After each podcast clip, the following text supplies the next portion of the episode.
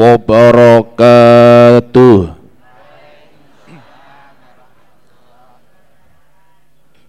Alhamdulillahi rabbil alamin. Nahmaduhu wa nasta'inuhu wa billahi min sururi anfusina Wa min sayyiati a'malina Man yahdihillah fala mudilla ومن يضلله فلا هادي له. أشهد أن لا إله إلا الله وأشهد أن محمدا عبده ورسوله لا نبي بعد ولا Allahumma salli ala Muhammad wa ala alihi wa ashabihi ajma'in. Amma ba'd. Jemaah Ahad pagi rahimakumullah Majelis Tabligh Muhammadiyah Cabang Blimbing Daerah Sukoharjo edisi ke-51 yang berbahagia. Akan saya bacakan susunan acara pengajian Ahad pagi edisi ke-51 pada hari Ahad 14 Rojab 1439 Hijriah atau 1 April 2018. Acara yang pertama adalah pembukaan. Acara yang kedua kajian sesi pertama kurang lebih 30 menit yang insya Allah akan disampaikan oleh beliau Ustadz Kiai Haji Rashid Ridho Ba'ashir LC. Beliau adalah Direktur Ma'had Ali Darul Wahyain Magetan. Dilanjutkan acara yang ketiga yaitu jeda informasi. Kemudian acara yang keempat adalah kajian sesi kedua kurang lebih 30 menit. Kemudian acara yang terakhir adalah penutup. Jamaah Ahad pagi yang berbahagia, marilah kita buka bersama-sama acara yang pertama pengajian Ahad pagi edisi ke-51 dengan membaca basmalah bersama-sama. Bismillahirrahmanirrahim. Kemudian kita lanjutkan acara yang kedua, kajian sesi pertama. 30 menit. Maka kepada Ustadz Kiai Haji Roshid Ridho Ba'ashir LC kami persilahkan 30 menit ke depan. Semoga.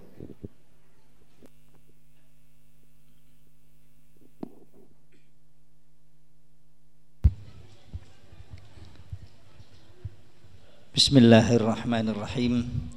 Assalamualaikum warahmatullahi wabarakatuh.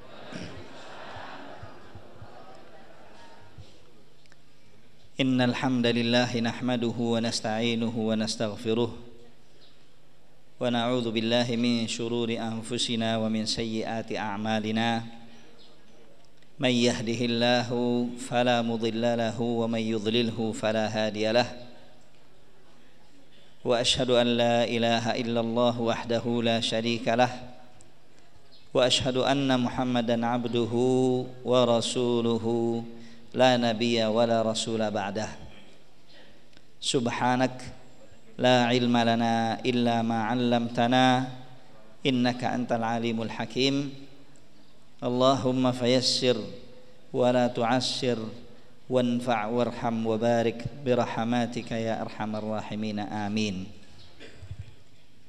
Alhamdulillah pada kesempatan pagi hari ini Allah Subhanahu wa taala telah mempermudah bagi masing-masing kita dengan taufiknya, dengan taisir dan kemudahan darinya dan dan dengan rahmat dari Allah Subhanahu wa taala untuk kita bisa mengayunkan kaki beranjak dari kediaman dan rumah-rumah kita menuju ma'had yang penuh barakah ini ma'had Imam Syuhada untuk mengadakan salah satu dari bentuk kurbah dan pendekatan diri kepada Allah Subhanahu wa taala yang bernilai tinggi menghadiri majelis ilmu kajian Ahad pagi. Semoga Allah Subhanahu wa taala berkenan untuk ridha kepada masing-masing kita dan semoga langkah-langkah kita ini dijadikan oleh Allah Subhanahu wa taala dengan rahmatnya sebagai salah satu pemberat timbangan kebaikan kita kelak di sisi Allah Subhanahu wa taala. Dan semoga tidaklah nantinya pertemuan kita ini usai dan selesai kecuali kita telah dibekali oleh Allah Subhanahu wa taala sedikit banyak dari ilmu-ilmu Allah Subhanahu wa taala yang kita sampaikan bersama di tempat yang mulia ini dan kita dengarkan bersama di tempat yang mulia ini untuk menjadi uh, panduan hidup dan pengabdian diri kepada Allah Subhanahu wa taala dan memenuhi aktivitas kehidupan kita dengannya mengarah kepada keridhaan Allah dan semoga ilmu itu dijadikan oleh Allah Subhanahu wa taala sebagai ilmu yang berbarakah. Allahumma amin. Bapak-bapak dan ibu-ibu yang dimuliakan oleh Allah Subhanahu wa taala, hadirin acara pengajian Ahad pagi. Sebelumnya saya minta kepada Pak MC untuk mengingatkan saya nantinya kalau dibatasi 30 menit pertama. Karena saya punya penyakit Pak MC. Penyakitnya kalau megang mikrofon orang iso ngerim. Kalau sudah bicara biasanya keblasuk. Mohon nanti di, diberi isyarat. Ya. Baik. Bapak-bapak dan ibu-ibu, ikhwati wa akhwati rahimani wa rahimakumullah. Sebelumnya saya ingin menyampaikan hadiah mahal dari saya buat bapak-bapak dan ibu-ibu semuanya dan ikhwan dan akhwat. Hadiah itu tidak akan mungkin bisa dihargai dengan dunia dan seisinya. Bagi sosok seorang mukmin dan bagi sosok seorang muslim yang sejati. Hadiah itu adalah sabda baginda Nabi kita Muhammad sallallahu alaihi wasallam. Makhluk manusia yang paling kita junjung tinggi makhluk manusia yang telah kita ridhoi sebagai suri teladan bagi masing-masing kita untuk kita mencontoh beliau, meniru beliau, menapak tilas beliau menuju keridhaan Allah Subhanahu wa taala dengan memenuhkan aktivitas sesuai dengan sunnahnya.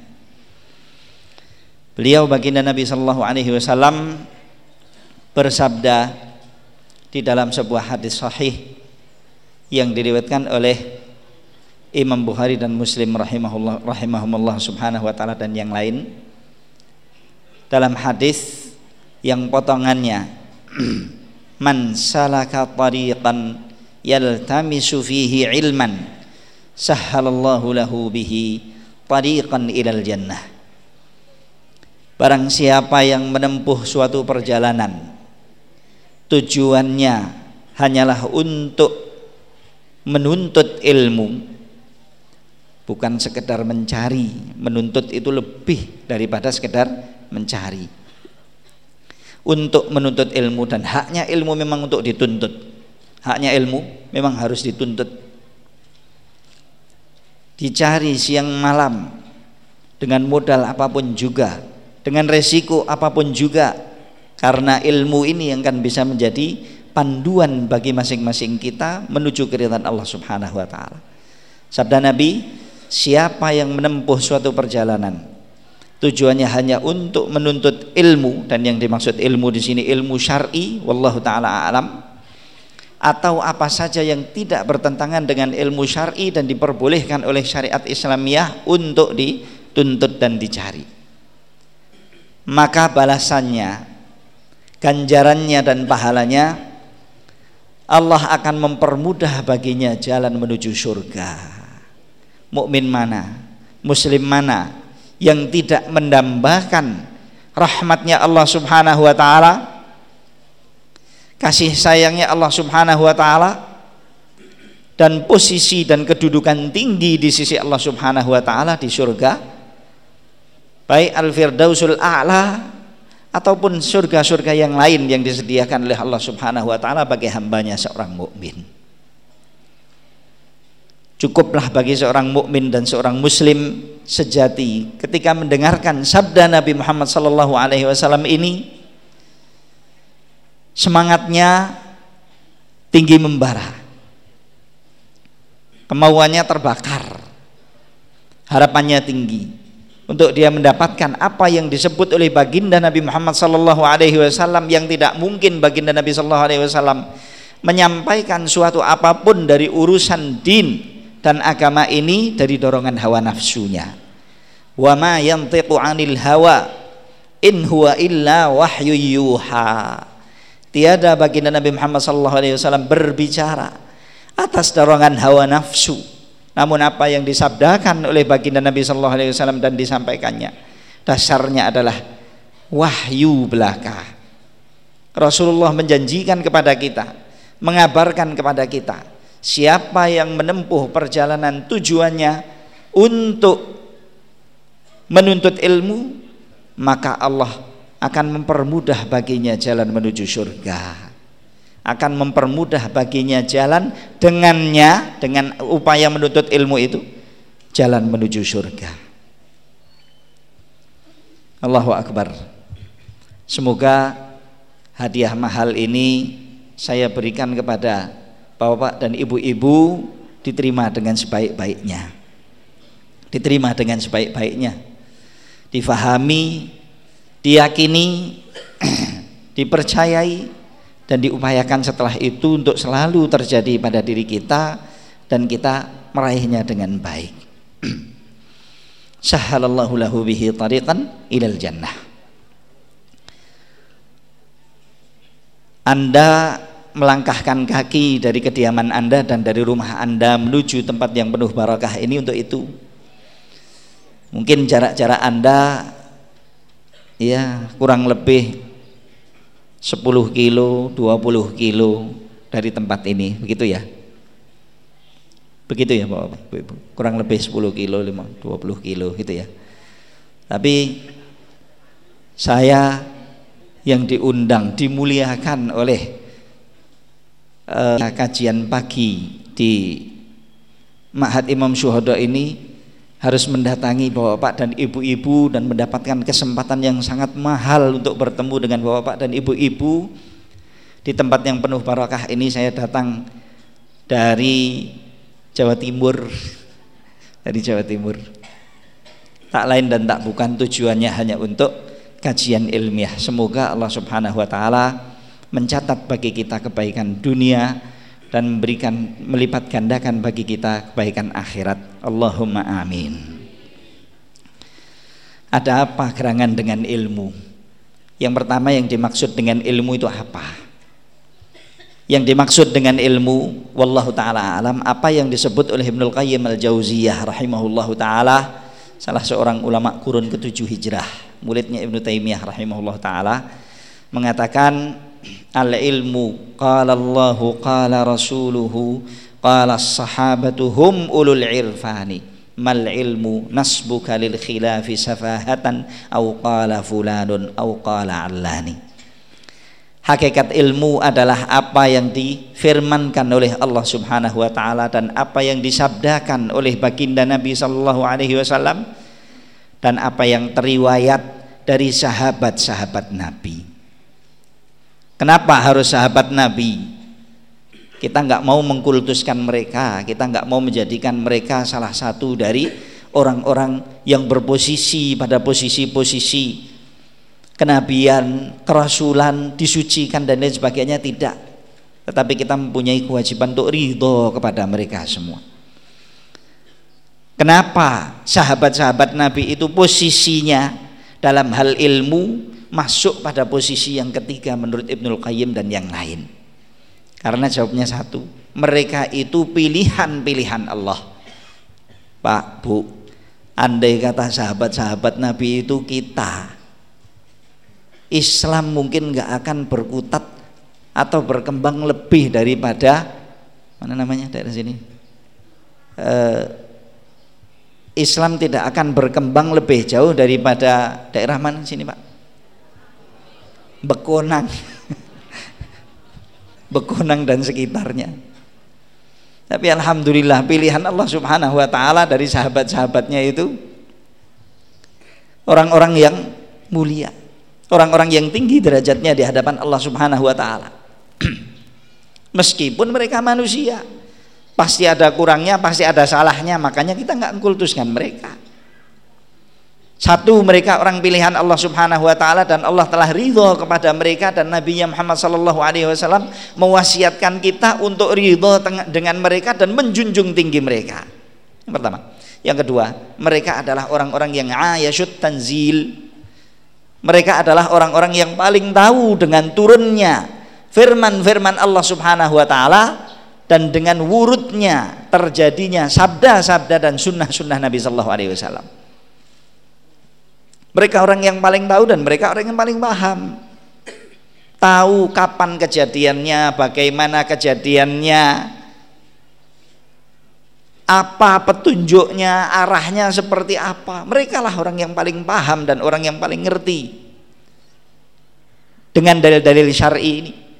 Makanya disebut oleh Ibnu Qayyim dan yang lain, sumber ilmu itu dari kita dua dan dimasukkan dalam corong ilmu untuk bisa kita terima bersama-sama lewat corong kefahaman sahabat-sahabat Nabi. Andai kata kita masing-masing ini boleh memahami firman-firman Allah dan sabda-sabda Nabi sakar PDW semau kita untuk kita memahaminya niscaya kesatuan tidak akan mungkin terjadi bagi umat Muhammad sallallahu alaihi wasallam.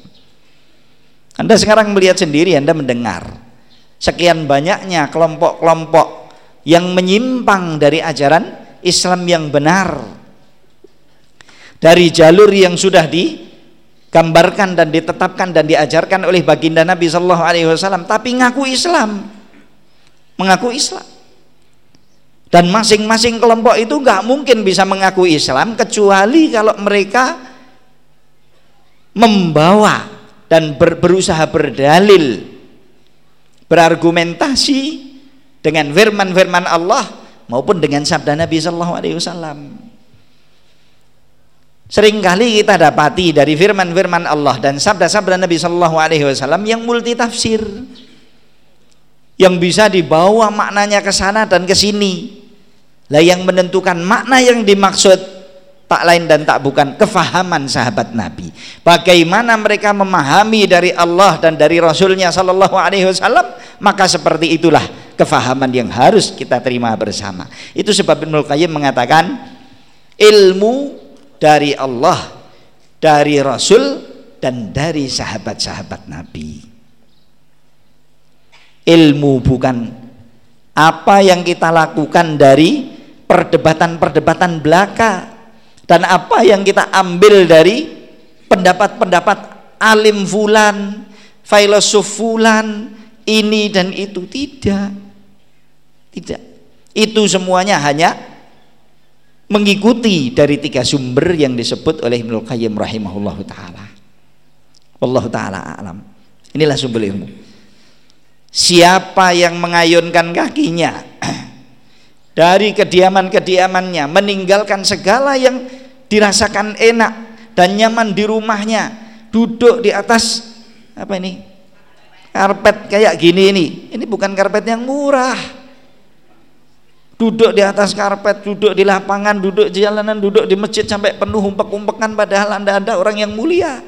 Kalau di rumah anda duduk ya Allah tujuannya untuk mencari ini tadi firman Allah sabda Rasulullah SAW sebagaimana apa yang difahami oleh Nabi SAW yang kemudian digunakan sebagai panduan dalam praktek mengabdi kepada Allah Subhanahu wa taala haknya dia untuk dipermudah oleh Allah Subhanahu wa taala jalan menuju surga. Allahu akbar. Allahu akbar. Ini hadiah bagi bapak-bapak dan ibu-ibu semoga hadiah ini bermanfaat. Allahumma amin. Ilmu adalah merupakan hajat dan kebutuhan jin dan manusia yang batasnya lebih tinggi daripada hajat jin dan dan manusia dari makanan, minuman maupun nafas. Kalaulah salah seorang di antara kita ini nggak makan dan nggak minum dan nggak bernafas, masih bisa hidup, bisa, masih bisa hidup, bisa nggak? Berapa lama? Berapa lama bisa hidup? Apa? Iya. Kita kalau nggak makan, lapar. Lapar diempet terus, nggak makan, jangan makan sama sekali, jangan makan. Satu tahun aja. Dikuyani sama ibu. Atau nggak minum, satu tahun aja. Makan makanan biasa tanpa ada air yang diminum, dehidrasi nanti. Ya, kekeringan tubuh ini. Mati. Atau nggak bernapas makan minum kenyang cukup. Tapi ditutup ininya hidungnya. Mulutnya ditutup. Sehingga nggak bisa menyedot oksigen. Nggak bisa bernafas. Berapa lama kita bisa hidup dengan keadaan yang seperti itu satu tahun nggak mungkin. Satu bulan nggak mungkin. Satu pekan eh, nggak mungkin juga. Nggak mungkin. Kalau dengan nafas nggak mungkin. Kalau satu pekan tanpa makan, tanpa minum, tanpa minum, mungkin ada yang bisa hidup. Dulu pernah ada kejadian teman-teman dari eh, Pondok Al Mukmin Nguruki mengadakan siahah ke gunung tahun 9 eh tahun 87 eh, kalau nggak salah atau 88 87 mereka naik ke gunung tanpa membawa persiapan yang cukup akhirnya terjadi musibah di atas lalu di Eh, yang hilang itu. Ketemu beberapa orang dalam keadaan mati wafat. Rahimahumullah mudah-mudahan dirahmati oleh Allah dengan niat-niat mereka yang baik. Tujuannya untuk ikdat tujuannya untuk satu eh, me, me, meringankan diri dari beban-beban dan kesulitan eh, apa namanya belajar yang lama. Kemudian mereka ingin refreshing diniatkan untuk ikdat fisabilillah. Wafat. Tapi ada satu orang di antara mereka yang dicari-cari nggak ketemu. Setelah sekitar 8 hari atau 9 hari, satu pekan lah kurang lebih, ditemui masih hidup di jurang. Kedinginan, bentuknya sudah kayak ebi, ngertos ebi nggak Bu? Udang kering. ya. Alhamdulillah sampai sekarang masih hidup. Namanya Ustadz Humaidi. Tinggalnya kalau nggak salah saya di uh, Medan. Ya. Satu pekan Coba kalau ditambahi satu pekan lagi jadi apa? Nah itu, itu masih napas, masih napas. Kebutuhan makan dan minum dan nafas bagi fisik kita berfungsi itu. Kalau kemudian kita disetop darinya uh, masa tertentu dalam masa tertentu di situ kita akan wafat. Tapi dengan kekurangannya ilmu ini kalau sudah wafat orang yang nggak makan, nggak minum, nggak nafas, mati dikubur urusannya selesai, urusannya rambung. Tapi kalau ada orang yang badannya gemuk, sehat dan makmur, hartanya banyak, nggak ada kekurangannya, kaya raya, baik kehidupannya di dunia tapi nggak punya ilmu. Nggak punya ilmu yang bersumber dari Allah Subhanahu wa taala dan Nabi dan Nabi Muhammad sallallahu alaihi wasallam sesuai dengan takaran kefahaman salafus soleh yaitu sahabat-sahabat Nabi. Akibatnya apa yang terjadi dia akan celaka di akhirat. Padahal kecelakaan akhirat adalah merupakan kecelakaan selama-lamanya. Orang kalau sudah celaka di akhirat ya sudah. Masalamah. Masalamah. Yang tidak makan dan tidak minum celaka di dunia tapi yang nggak punya ilmu akan celaka di akhirat. Allah ya baik. Inilah pentingnya ilmu ini pentingnya ilmu dan fungsinya ilmu bagi masing-masing kita kemudian ilmu dibutuhkan oleh siapa pun juga dan kapan pun juga dan bahkan dengan ilmu Allah subhanahu wa ta'ala mengutus para rasulnya dan para nabinya dengan ilmu. Allah mengutus mereka semuanya, menurunkan kepada mereka wahyu-wahyu. Dan dengan wahyu itu satu para nabi menjadi manusia-manusia luar biasa dan yang kedua para nabi dan para rasul bisa membuat dunia ini, wajah dunia ini berbalik luar biasa. Dari kerusakan hingga menjadi makmur. Dari keburukan menjadi baik. Dari jahiliyah zaman jahiliyah menjadi zamanul ilmi karena al jahlu kebodohan itu lawannya adalah al ilmu pengetahuan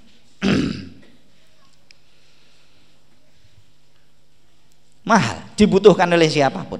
Para nabi para rasul butuh apalagi siapa saja yang di bawah para nabi dan para rasul. Kebutuhan dengan ilmu luar biasa.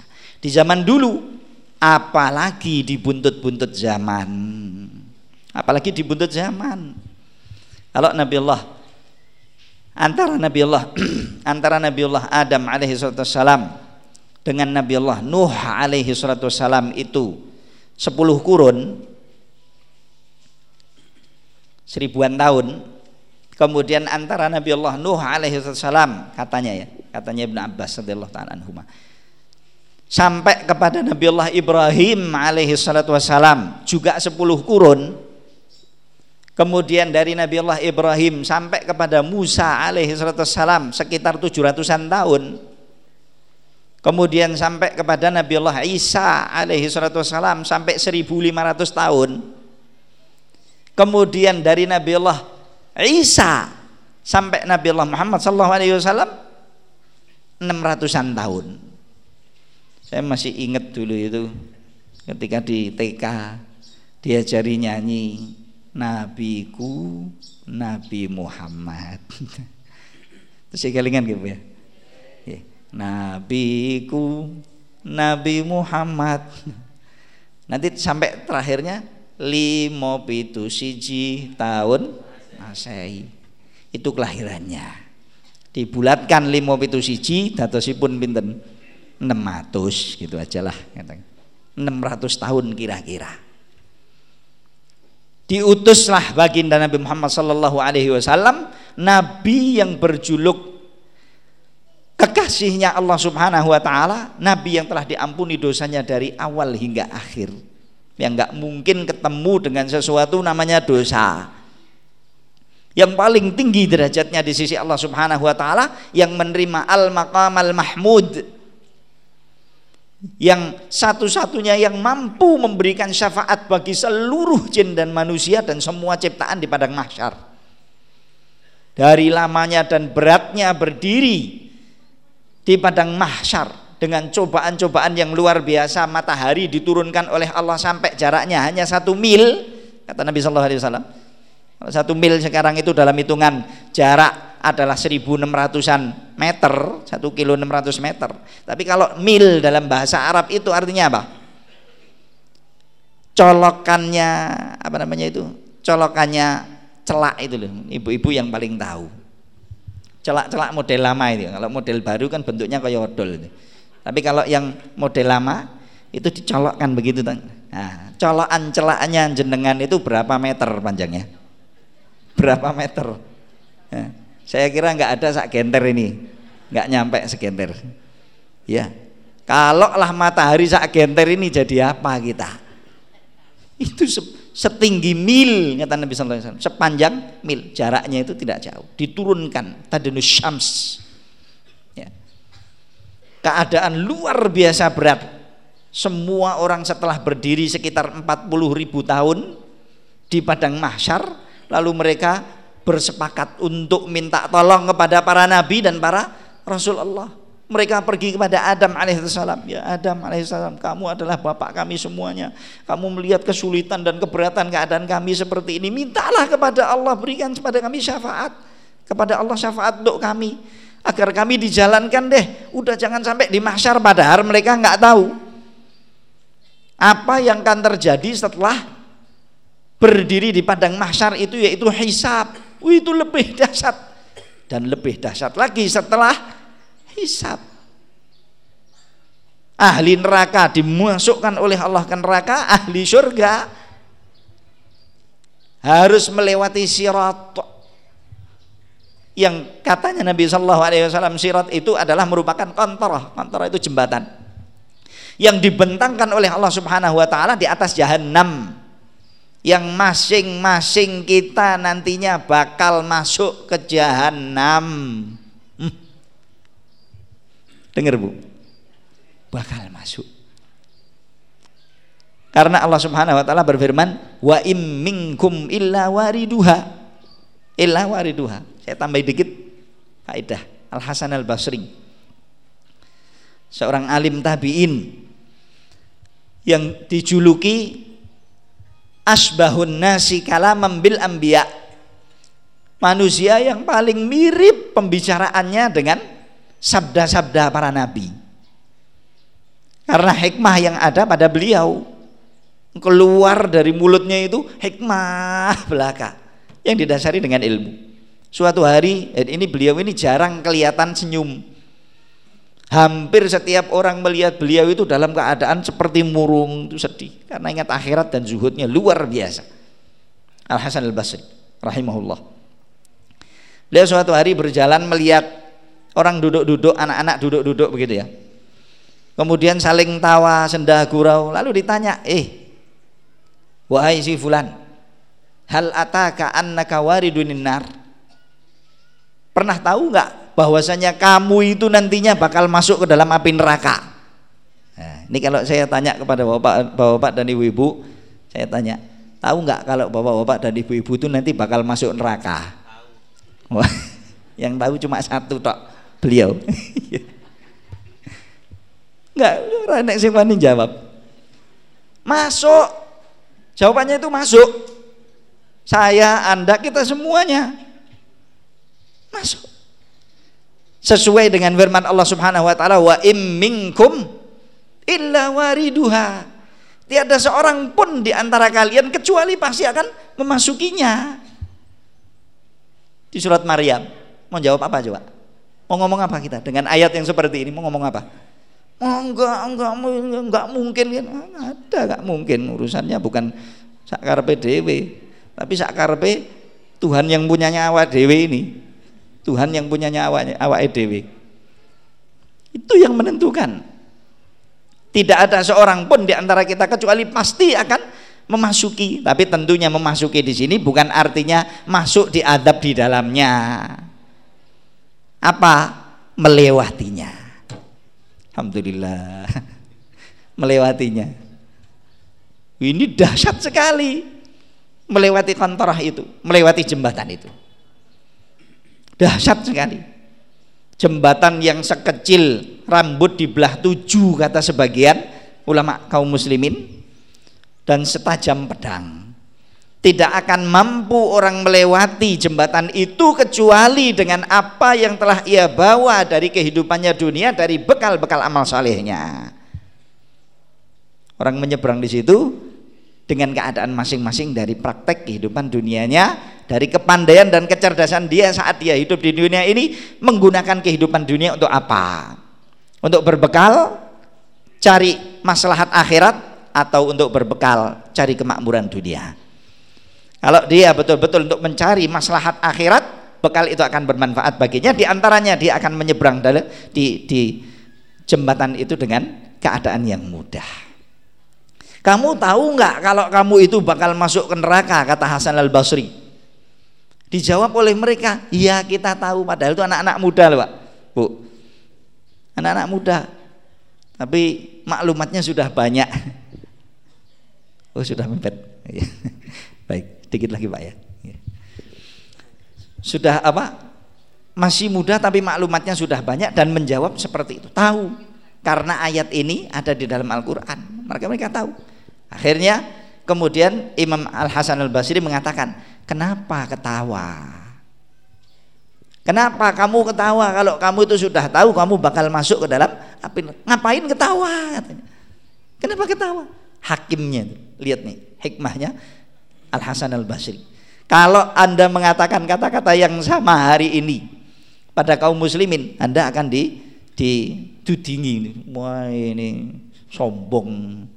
Ini anu ini ekstrim ini. Orang ini ekstrim. Mosok ketawa aja nggak boleh. Gurau-gurau mosok nggak boleh. Ya. Refreshing mosok nggak boleh. Ini nggak boleh, itu nggak boleh. Begitu. Allah musta'an. Nah, ini ah, pentingnya ilmu ya. Kita butuh ilmu apalagi di zaman-zaman yang seperti ini buntut-buntut zaman yang tadi saya sebut jarak antara Nabiullah Isa dengan Nabiullah Muhammad wasallam hanya 600 tahun sedangkan jarak kita dengan Nabi Muhammad wasallam sudah berapa sekarang? 1400 tahun punjul. 1400 tahun lebih. Lalu sisanya berapa? Apakah kita masih berkeyakinan kita ini orang-orang awal zaman atau orang-orang pertengahan zaman? Padahal tanda akhir zaman adalah diutusnya dan wafatnya baginda Nabi Shallallahu Alaihi Wasallam dan kita dengan wafatnya Nabi sudah 1400 tahunan lebih. Butuh ilmu nggak kira-kira? Butuh ilmu syar'i nggak? Wallahu taala alam kita jeda dulu sebentar. Uh, uh, saya berikan waktunya kepada Pak MC. Silahkan Pak Terima kasih pada Ustadz Kiai Haji Roshid Ridho Ba'asyir LC. Jamaah Ahad pagi yang berbahagia, pada acara Jeda Informasi akan kami informasikan yang pertama laporan keuangan Ahad pagi edisi kemarin atau edisi 50 tanggal 25 Maret 2018 saldo awal 81 juta 479.200 rupiah. Pengeluaran 21 juta 636.800 rupiah. Saldo akhir 59 juta 842.400 rupiah. Kemudian infak edisi kemarin 2 juta 742 ribu rupiah. Lah niko kodarullah eh, hujan angsal rahmat saking Allah Subhanahu wa taala. Yang kedua, mohon kepada jamaah sekalian untuk bisa memutar kotak infak sekaligus mengisi kotak tersebut. Mohon juga untuk membuang sampah di tempat yang telah disediakan Mohon juga untuk bisa dirapatkan tempat duduknya. Kemudian yang ketiga, insya Allah setiap ahad keempat, kajian ahad pagi akan digunakan untuk tanya jawab agama. Jadi kepada jamaah bisa menuliskan pertanyaannya dan dikumpulkan ke dalam kotak infak yang diputar. Insya Allah akan dijawab oleh Ustadz Solahuddin Sirial LCMA. Kemudian yang keempat, pekan ini yang mendapatkan giliran dana organisasi dari infak ahad pagi adalah pimpinan ranting Aisyah Lemah Bang dan pimpinan ranting Aisyah Miri. Mohon setelah kajian diambil di MC. Edisi kemarin meniko ingkang dereng mendet meniko ranting Kenongkorjo. Lah mengke sabibaripun MC ah niki dereng dipun pendet. Yang kelima, bagi jamaah yang menghendaki stempel majelis tablik untuk keperluan tugas sekolah bisa menghubungi depan gerbang. Kemudian enam informasi dari layismu kepada jamaah yang sudah mengambil kotak infak utawi umplung layismu dan hendak mengumpulkan bisa diserahkan kepada petugas layismu yang berada di stan kesehatan layismu di sebelah utara gerbang sisi barat. Kemudian yang terakhir, informasi pengajian Ahad pagi pekan depan, Ahad 8 April 2018 atau edisi 52 Insya Allah pembicara Ustadz Kiai Haji Solihin Abu Izudin Beliau trainer nasional dan penulis buku-buku bestseller. Dengan tema agar dimudahkan langkah menuju Baitullah. Menikah jamaah ahad pagi yang berbahagia, beberapa informasi telah kami sampaikan. Acara yang keempat yaitu kajian sesi kedua kurang lebih 30 menit akan disampaikan oleh Ustadz Kiai Haji Roshid Ridho Ba'asyir LC dengan tema urgensi persatuan dan uhwah di zaman fitnah. Pramila dumateng panjenenganipun Ustadz Kiai Haji Roshid Ridho Ba'asyir LC kaula akan semoga Jazakumullahu khairan. Bismillah, kita sambung. Jadi sekali lagi kita bukan orang awal zaman tapi kita orang akhir zaman. Rasulullah Shallallahu Alaihi Wasallam memberikan kabar kepada kita bahwasannya di akhir cepat generasi-generasi akhir umat ini itu enggak sebesar cobaan-cobaan yang mengenai generasi awalnya. Karena baginda Nabi Shallallahu Alaihi Wasallam sendiri juga bersabda, Asyadun nasi bala'anil anbiya uthummal amthalu fal amthal.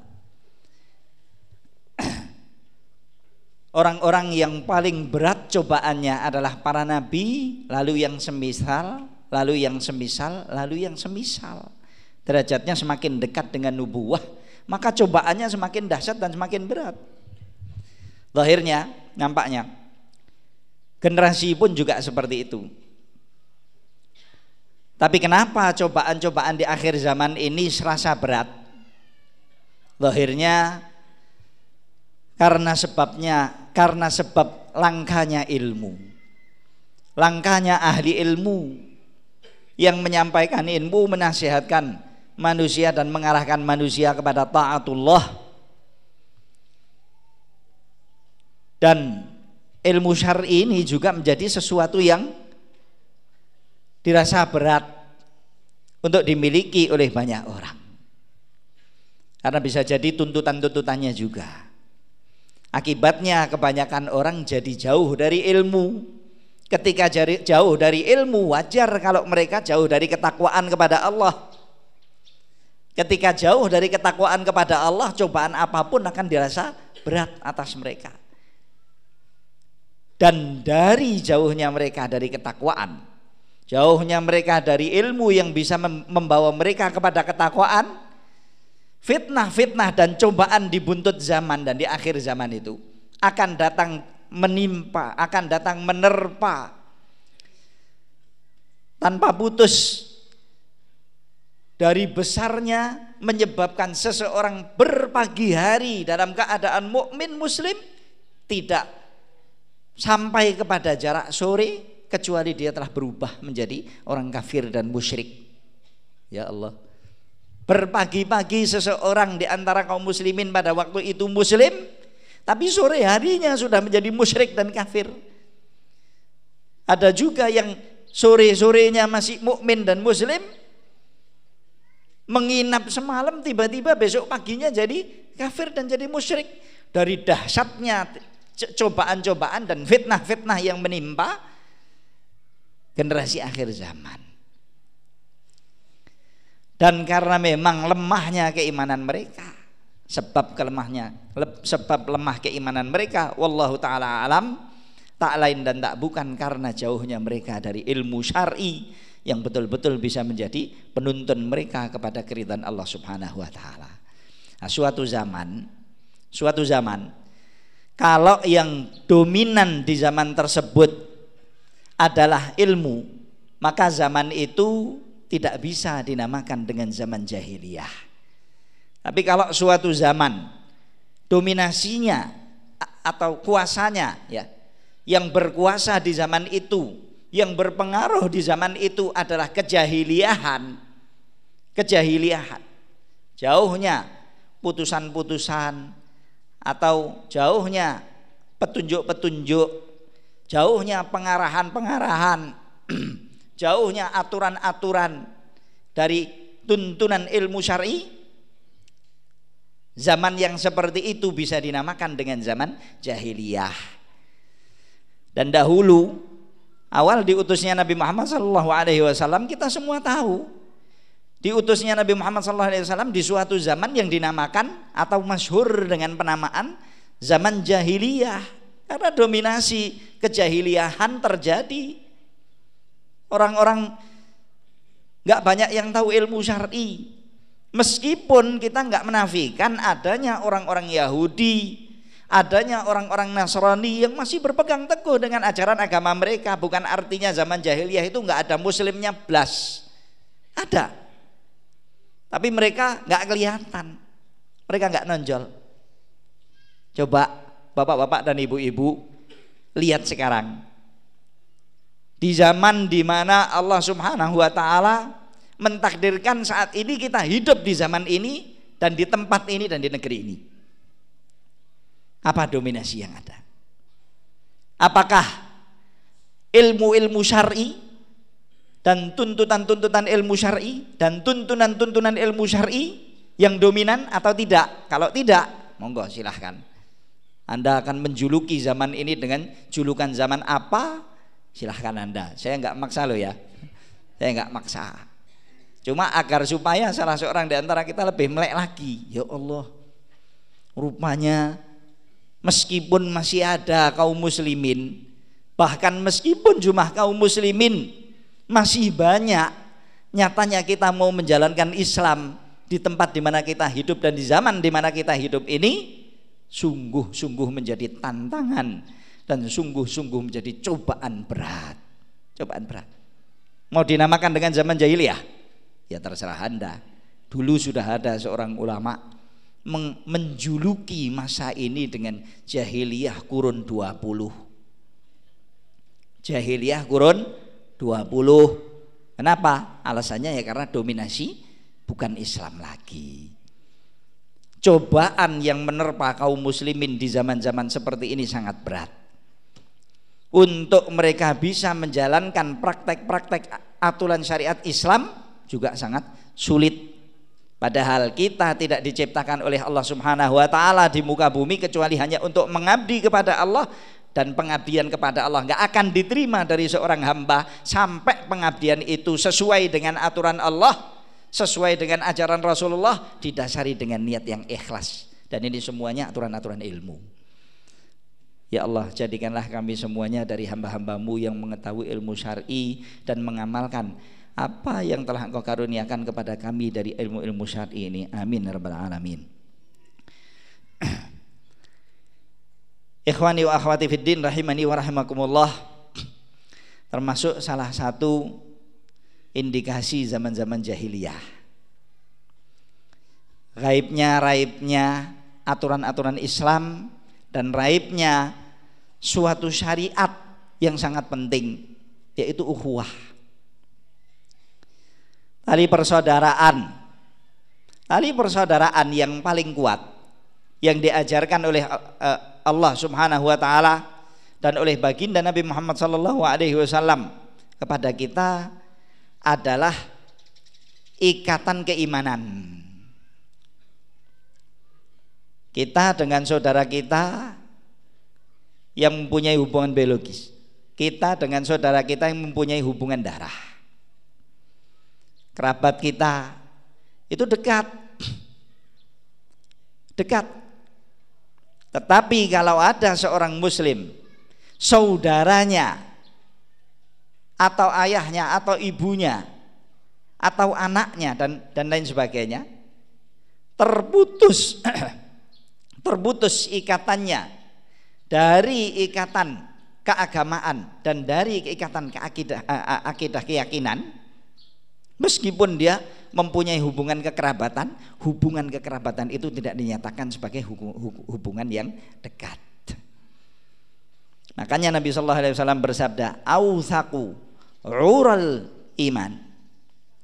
Sekuat-kuat, sekuat-kuat ikatan keimanan adalah al-mualat fillah wal muadah fillah. Loyalitas saling cinta, saling bantu.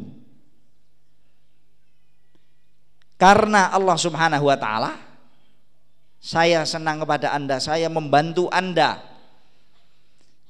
Saya menolong Anda karena Allah Subhanahu wa taala dan permusuhan karena dasar Allah Subhanahu wa taala. Itulah ikatan terkuat. Ikatan terkuat. Ini tidak akan terjadi kecuali antara muslim dengan muslim atau antara muslim dengan kafir yang istilahnya sekarang diistilahkan dengan non muslim meskipun kerabat sendiri. Yang pertama, yang kedua saling cinta karena Allah dan saling benci karena Allah. Saling benci karena Allah. Ini ikatan yang paling besar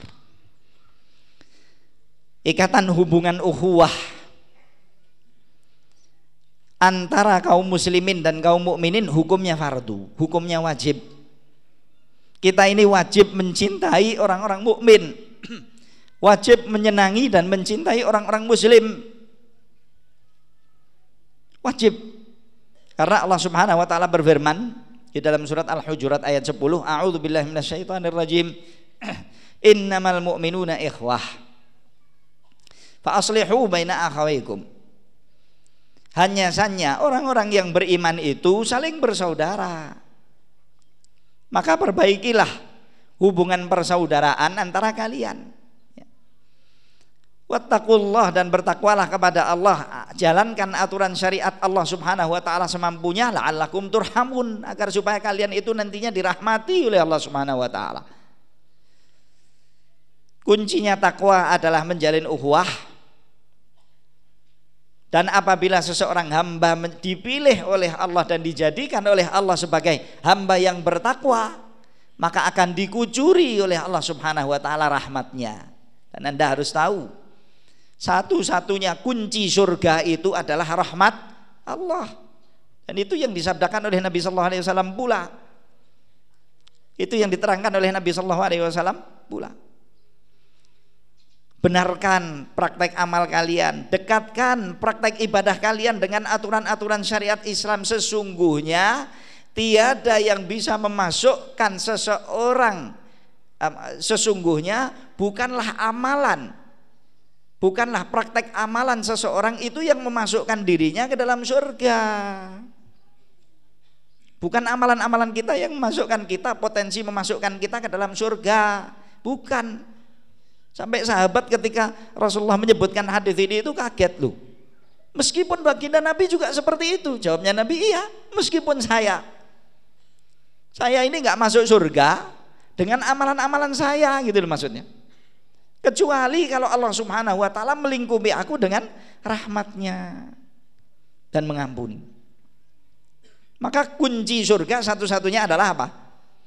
Rahmatnya Allah dan rahmatnya Allah akan akan di, akan bisa dibeli, akan bisa dibarteri oleh seorang mukmin lewat takwa dan intinya takwa menjalankan aturan syariat. Tidak bermaksiat kepada Allah Subhanahu wa taala. Berupaya dan berusaha sekuat tenaga untuk tidak wafat, tidak meninggal dunia kecuali di atas garis keridhaan Allah Subhanahu wa taala. Menjalankan perintah dan menjauhi larangan. Dan takwa jalurnya di antaranya adalah apa? Mengikat ukhuwah Islamiyah. Mengikat ukhuwah Islamiyah. Sampai-sampai Rasulullah Shallallahu Alaihi Wasallam juga pernah menerangkan kepada kita bahwasanya kalian itu tidak akan masuk surga hingga kalian beriman kepada Allah. Dan kalian tidak akan mampu beriman kepada Allah maksudnya dengan keimanan yang benar hingga kalian saling mencintai satu dengan yang lain. Kalau kita tidak saling mencintai mengasihi sayangi satu dengan yang lain nggak akan mungkin kita sampai kepada kepada derajat keimanan sempurna. Nggak mungkin seorang muslim, seorang mukmin mengaku dirinya muslim, berupaya maksimal untuk me menyampaikan derajat keimanannya, kualitas keimanannya sampai kepada derajat yang maksimal. Tapi kok nggak bisa mencintai saudara sesama muslim, acuh tak acuh dengan muslim yang lain. Bahkan naudzubillah memusuhinya. Orang yang seperti ini tidak mungkin akan sampai kepada derajat iman sempurna. Mungkin yang penting masih ada imannya toh. Alah, ya Allah kalau urusan dunia, yang penting saya kerja hari ini bisa dapat sepuluhan makan lah sudah. Apa gelem coba? Ayo. Mau nggak panjenengan bilang begitu? Saya kerja ini hari ini yang penting saya cuma dapat sepuluhan makanan yang bisa menegakkan sulbi saya untuk saya mengabdi kepada Allah kayak Abu Hurairah radhiyallahu taala anhu Iya, kalau Abu Hurairah ya saya percaya. Tapi kalau Mas Abu Hurairah saya wallahu alam rodok piye ini. Iya yang ada sekarang. Ya mungkin kita-kita kalau nyari dunia maunya yang banyak. Maunya yang banyak, tapi heran kalau cari akhirat derajat takwa, kualitas memperbaiki kualitas takwa kok rodok cetil gitu ya. Rodok pelit. Ini mesti ada problem nih, ada masalah. Ada masalah. Kata Rasulullah SAW, kalian tidak akan bisa masuk surga sampai beriman. Kalian tidak akan bisa beriman sampai apa? E, saling cinta. Tahu apa kuncinya? Tahu apa kuncinya agar supaya kalian itu saling cinta dan saling menyukai? Ini simpel sekali ini.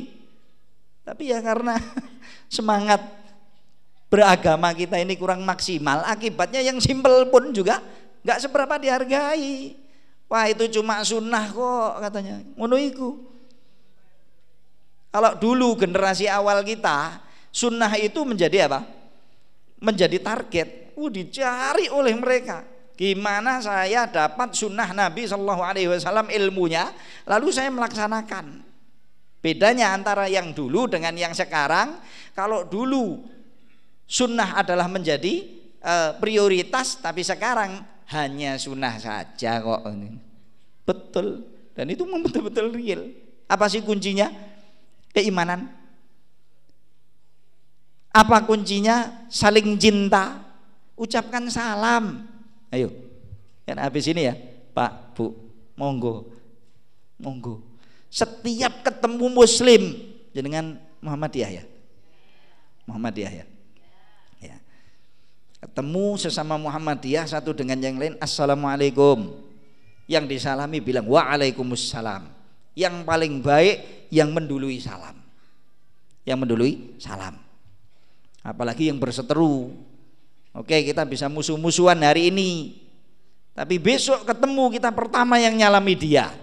Meskipun kita yang menganggap diri kita paling benar atau dalam posisi yang benar. Salam dengan dia. Assalamualaikum. Simple ya, gampang sekali.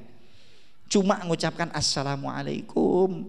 Semoga Allah melimpahkan keselamatan kepada kamu, memberikan keselamatan kepada kamu. Simple. Doa, salam itu. Yang sana ketika didoakan dengan selamat, ampun mendel mawon. Iya, jangan diam. Dibalas doanya dengan doa yang sama malah Allah Subhanahu wa taala mentasyrik hai orang-orang yang ber, uh, uh, malah Allah Subhanahu wa taala mentasyrik jika kalian itu disalami jawablah dengan yang lebih baik ataupun paling tidak loh ya minimnya serupa. Dibilang assalamualaikum warahmatullahi wabarakatuh. Ya jawabannya waalaikumsalam warahmatullahi wabarakatuh. Ya. Assalamualaikum waalaikumsalam warahmatullahi wabarakatuh. Atau waalaikumsalam warahmatullah minim waalaikumsalam. Jangan assalamualaikum warahmatullahi wabarakatuh. Waalaikumsalam. Kenapa? Pelit.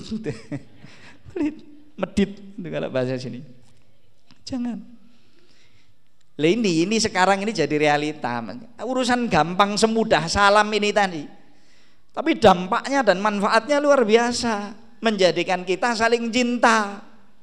Dan prakteknya mengucapkan salam di antara satu organisasi saja susah sekarang berjalan apalagi lintas organisasi Wah apa? NU ya? Oh ya. Wah apa? Persis toh? Sana siapa? Dudu ikhwan kok. Betul. Dudu sak dudu sak kelompok. Itu orang lain. Gitu itu. Salah apanya coba? Salah apanya? Orangnya jelas. Salah kelompoknya, salah berkelompok. Susah juga kalau kita menyatakan berkelompok itu nggak boleh, berorganisasi nggak boleh.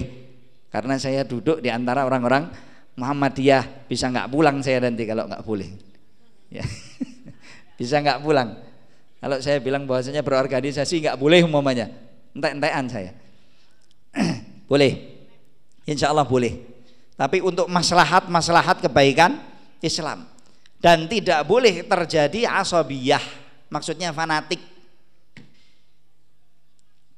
dan jangan cuma jadi jargon loh ya kita Muhammadiyah tetapi kemudian kita nggak akan fanatik dengan Muhammadiyah kita dan kita akan sama dengan kelompok yang lain maupun organisasi yang lain NU juga begitu Persis juga begitu. Kelompok-kelompok yang lain juga begitu. Jamaah-jamaah lain juga begitu. Sebagian yang berijtihad bolehnya uh, berkelompok karena kita kalau nggak kerja sistemik dan berkelompok begini, maka kita nggak akan bisa sampai tujuan. Susah, betul jawabannya. Satu. Dan yang kedua, dulu di zaman Nabi Sallallahu Alaihi Wasallam juga ada Ansor, juga ada Muhajirin, ada Aus, ada Khazraj, ada ini dan ada itu dan itu semuanya menjadi alasan yang diperbolehkan dengannya untuk kita berorganisasi dan berkelompok. Monggo. Ini ranah ijtihad. Sikapnya seorang muslim dan seorang mukmin dengan ijtihad dari pendapat-pendapat para ulama kita kita menghormati dan lapang dada. Ya. Baik. Kembali, jadi ini kunci yang diberikan oleh Nabi Sallallahu Alaihi Wasallam sangat mudah agar saling cinta hendaknya kita selalu mengucapkan salam satu dengan yang lain. Wallahu taala alam. Kemudian Rasulullah Wasallam juga bersabda, al muslimu al muslimu ahul muslim. Seorang muslim adalah saudara bagi muslim yang lain. dari firman Allah ya ya uh, innamal mu'minuna ikhwah dan dari sabda Nabi sallallahu alaihi wasallam al muslimu akhul muslim kedua dalil ini menjadi dasar yang jelas bahwasannya mengikat ukhuwah Islamiyah antara kaum muslimin hukumnya wajib hukumnya fardu. Bahkan Nabi sallallahu alaihi wasallam sudah menerangkan seperti apa yang sudah kita ketahui tadi. Kita nggak akan sampai kepada rahmat Allah dan surganya kecuali kita harus menitinya dengan jalur-jalur yang uh, di antaranya adalah jalur uhuwah al-islamiyah. Baik. Kemudian uh, uhuwah islamiyah ini kalau nanti bisa terjalin antara kaum muslimin apa sih fadilatnya apa toh keutamaannya? Membawa keutamaan apa? Membawa keutamaan apa? Di antaranya apa yang diriwayatkan oleh Imam Muslim sebuah hadis Nabi Shallallahu Alaihi Wasallam Rasulullah Shallallahu Alaihi Wasallam pernah pernah bersabda ada terjemahannya langsung ada tiga sifat yang jika tiga sifat itu wujud pada seorang mukmin seorang muslim pasti dia akan merasakan manisnya iman. Pasti dia akan merasakan manisnya iman. Jadi yang manis itu bukan cuma makanan-makanan kita dan minuman-minuman kita dan rupa-rupa kita dan pekerjaan kita dan hasil kerja kita. Hasil kerja itu yang manis. Kerja dapat untung, wah itu untung itu manisnya pol itu, ya. Bukan cuma itu toh, tapi iman ini ada rasa manisnya. Lu kalau kita diharamkan oleh Allah nggak bisa merasakan manisnya iman rugi kita itu. Rugi. Apa? Tiga sifat itu agar supaya kita berus bisa berusaha maksimal untuk mengadakan tiga sifat tersebut pada diri kita. Yang pertama, hendaknya Allah dan Rasulnya, hendaknya Allah Subhanahu Wa Taala dan Rasulnya Sallallahu Alaihi Wasallam menjadi sesuatu yang paling dicintai di dalam hati sanubari muslim tersebut. Nah, jadi yang paling kita cintai dalam diri kita hanyalah Allah dan Rasulnya. Itu sudah terjadi belum dalam diri kita? Gampang kok. Caranya kalau kita mau ngetes kita ini betul-betul sudah cinta Allah dan Rasul dan betul-betul meninggikan Allah dan Rasulnya Shallallahu Alaihi Wasallam daripada yang lain apa belum? Bagaimana kita tahu saat nanti ada apa namanya? Saat nanti ada sesuatu kejadian ya yang bertentangan antara hak Allah dan Rasulnya dan dan hak pribadi kita dan hak pribadi kita. Mana yang kita ajukan? Saat kita mampu lebih mampu untuk mengajukan hak Allah Subhanahu wa taala dan haknya Rasulullah sallallahu alaihi wasallam maka Anda adalah mencintai Allah dan Rasulnya lebih daripada yang lain. Sifat ini harus ada. Itu mudah caranya nguji ya begitu itu. Kalau kita pas kepingin sesuatu, tapi ketempuk dengan waktu sholat, sholatnya didulukan, apa kebutuhan kita yang diajukan, sehingga sholatnya terabaikan. Kalau sholatnya didulukan, maka Anda insya Allah sudah lebih mencintai Allah dan Rasulnya ketimbang dirinya sendiri. Ini sifat yang pertama. Yang kedua, hendaknya dia itu uh, benci untuk dicampakkan, eh, benci untuk kembali kepada kemurtatan, benci untuk murtad, sebagaimana bencinya dirinya untuk dicampakkan ke dalam api neraka. Siapa yang mau untuk dicampakkan ke neraka? Gak ada. Maka hendaknya kita itu benci kemurtatan setelah Allah memberikan hidayah kepada kita, kepada kita. Menjadi sosok seorang muslim, sosok seorang mukmin diberi hidayah oleh Allah, diberi taufik oleh Allah Subhanahu wa taala untuk bisa melaksanakan aturan Islam semampunya. Kemudian ada tawaran, silahkan pindah agama, kami beri Anda satu miliar. Silahkan pindah agama, kami beri Anda posisi-posisi kepemerintahan yang baik. silahkan pindah agama. Kami jamin bagi anda kesejahteraan dunia. Kalau sampai kemudian hal itu semuanya bisa menjadi pendua dari keimanannya maka dia tidak akan merasakan manisnya iman. Tapi kalau sampai dia mampu menetapkan keimanan pada dirinya maka hal itu sudah menjadi sifat kedua yang wujud pada dirinya sangat berharga yang ketiga hendaknya tidak men mencintai seseorang kecuali karena dasar kecintaan kepada Allah. Saya cinta kepada Anda karena Anda sosok seorang mukmin. Saya benci kepada dia karena dia adalah orang musyrik dan orang kafir dan orang munafik dan ahli maksiat saya benci dengan dia itu karena kekufurannya, karena ke, ke, ke, kesyirikannya dan karena kemunafikannya dan karena doyannya dengan maksiat itu. Doyan maksiat. Mestinya das, mestinya dasar kecintaan itu seperti itu.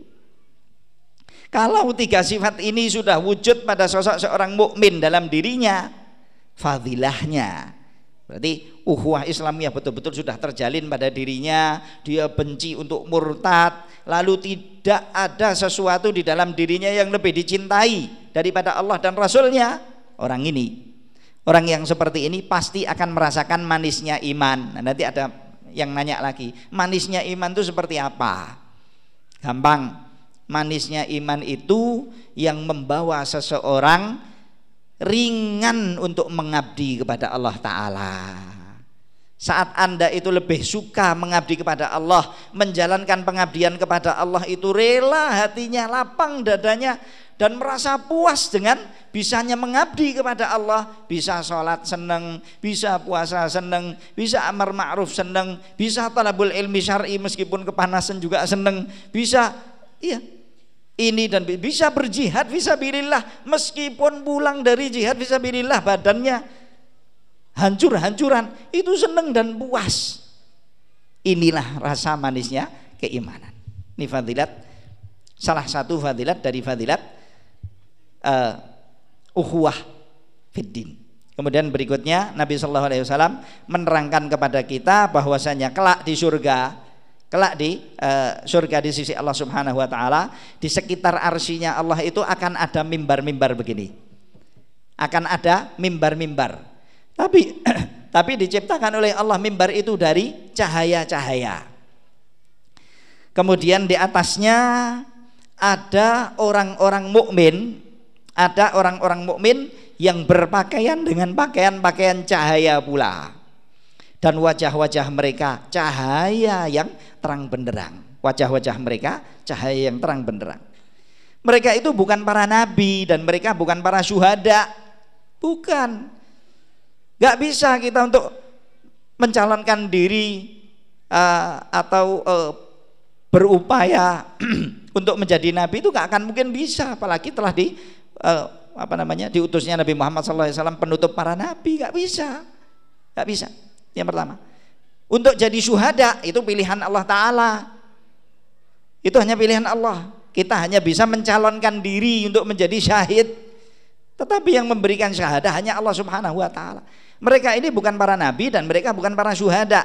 Tetapi para nabi, para nabi dan para syuhada eh, apa namanya? Para nabi dan para syuhada itu merasa Ghibtah itu me, me, me, me, menginginkan kedudukan dan posisi-posisi mereka.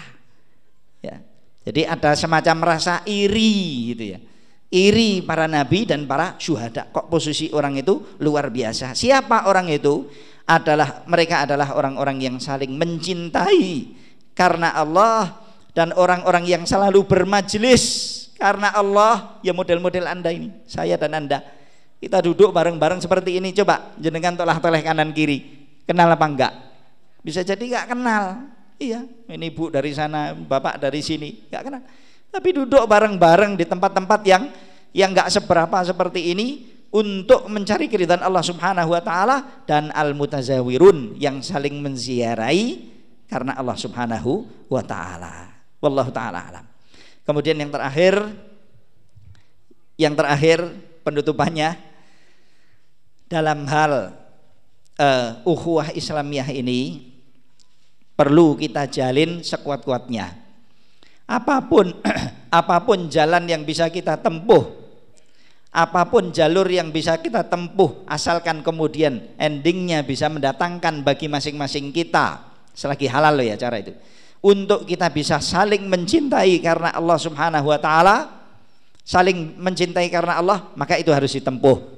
Allah Subhanahu wa taala mentasyrik atas kaum muslimin di dalam surat Syura ayat 13 A'udzubillahi minasyaitonirrajim. Syara'a lakum minad din. Allah telah mensyariatkan atas kalian dari ajaran agama ini ma wasabihi nuha. Apa yang telah diperintahkan oleh Allah untuk dijalankan oleh Nuh alaihi salam walladzi auhayna ilaika dan apa yang telah kami wahyukan atas kamu wahai Muhammad sallallahu alaihi wasallam untuk kamu laksanakan aturan tersebut.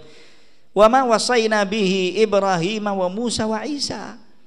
Dan apa yang kami perintahkan ini juga pernah kami perintahkan kepada Musa dan eh, Ibrahim, Musa dan Isa. Dan yang disebut oleh Allah Nuh, Muhammad, Ibrahim, Musa, Isa.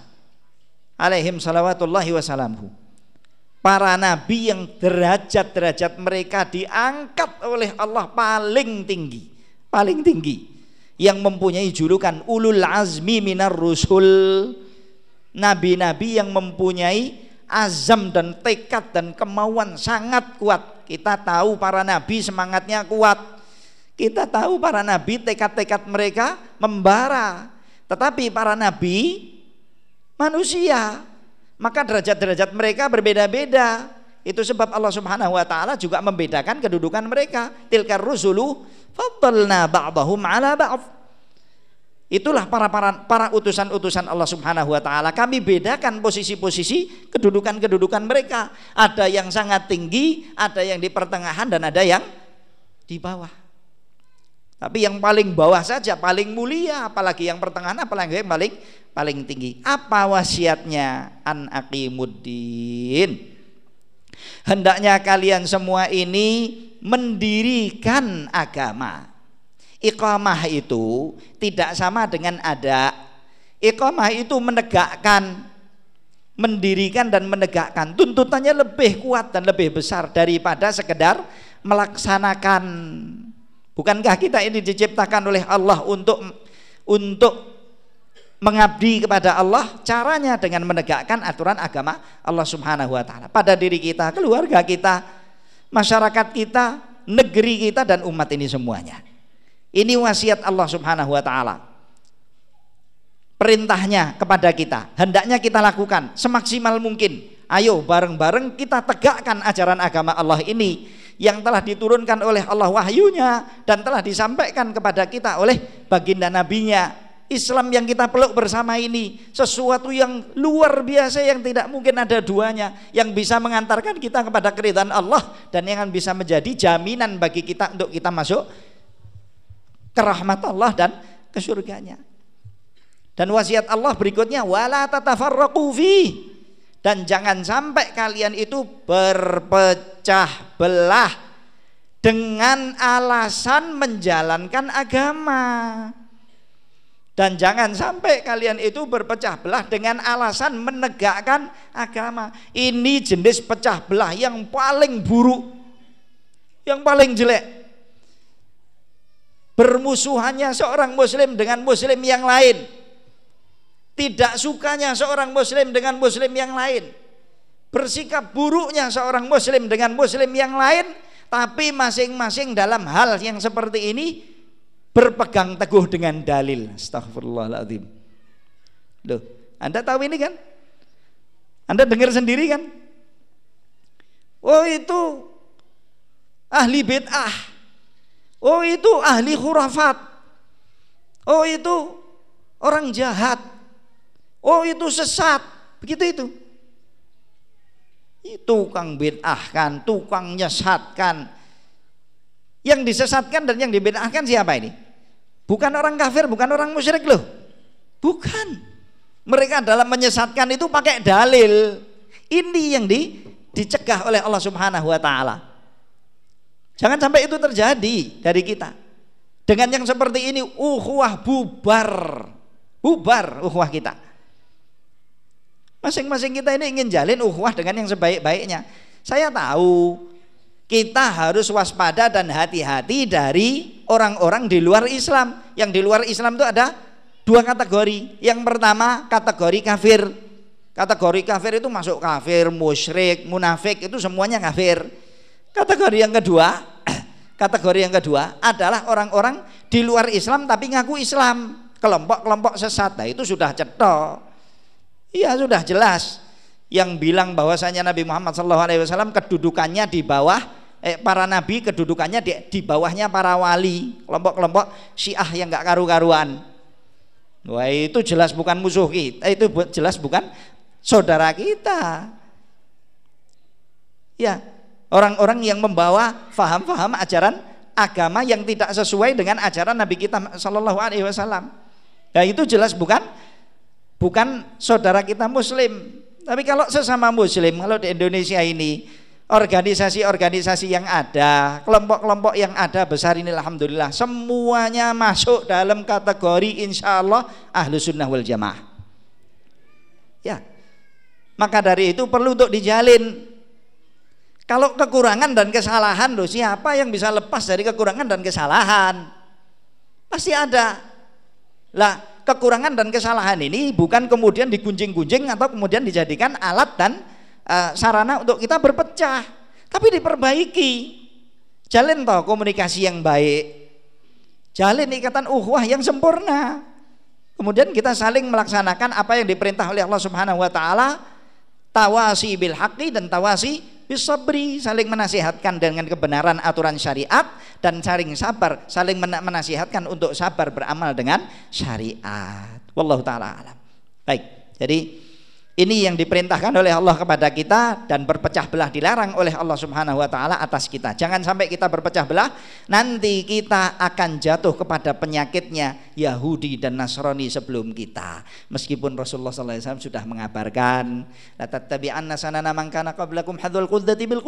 Betul-betul kalian itu nanti akan me me mengikuti langkah orang-orang sebelum kalian sedikit demi sedikit kudah itu bulu bulu panah. Bulu anak panah itu kan diletakkan dekat-dekat dan rata sekali. Nggak bisa bulu anak panah jaraknya satu meter satu meter nggak bisa. Jaraknya hanya dekat-dekat.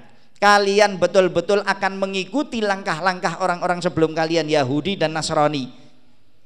Apa yang menjadi tren dari mereka apa yang menjadi kebiasaan dari mereka bakal kalian ikuti. Allah persis seperti apa yang disabdakan oleh Nabi Shallallahu Alaihi Wasallam hari ini kita lihat dengan mata kepala kita. Di antaranya saling berpecahnya kaum muslimin, saling berpecahnya umat Muhammad Shallallahu Alaihi Wasallam.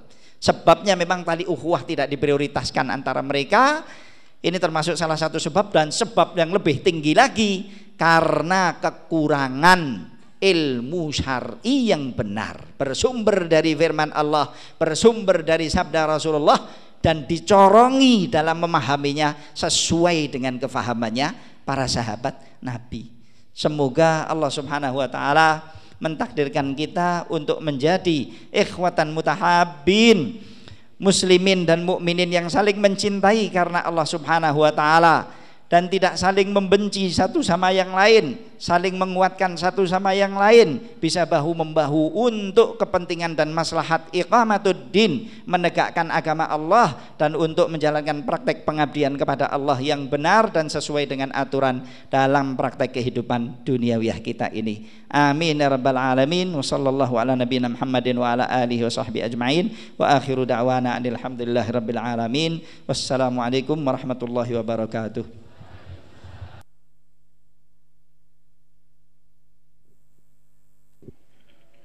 Terima kasih kami ucapkan pada Ustadz Kiai Haji Rosyid Ridho Ba'asyir LC yang telah menyampaikan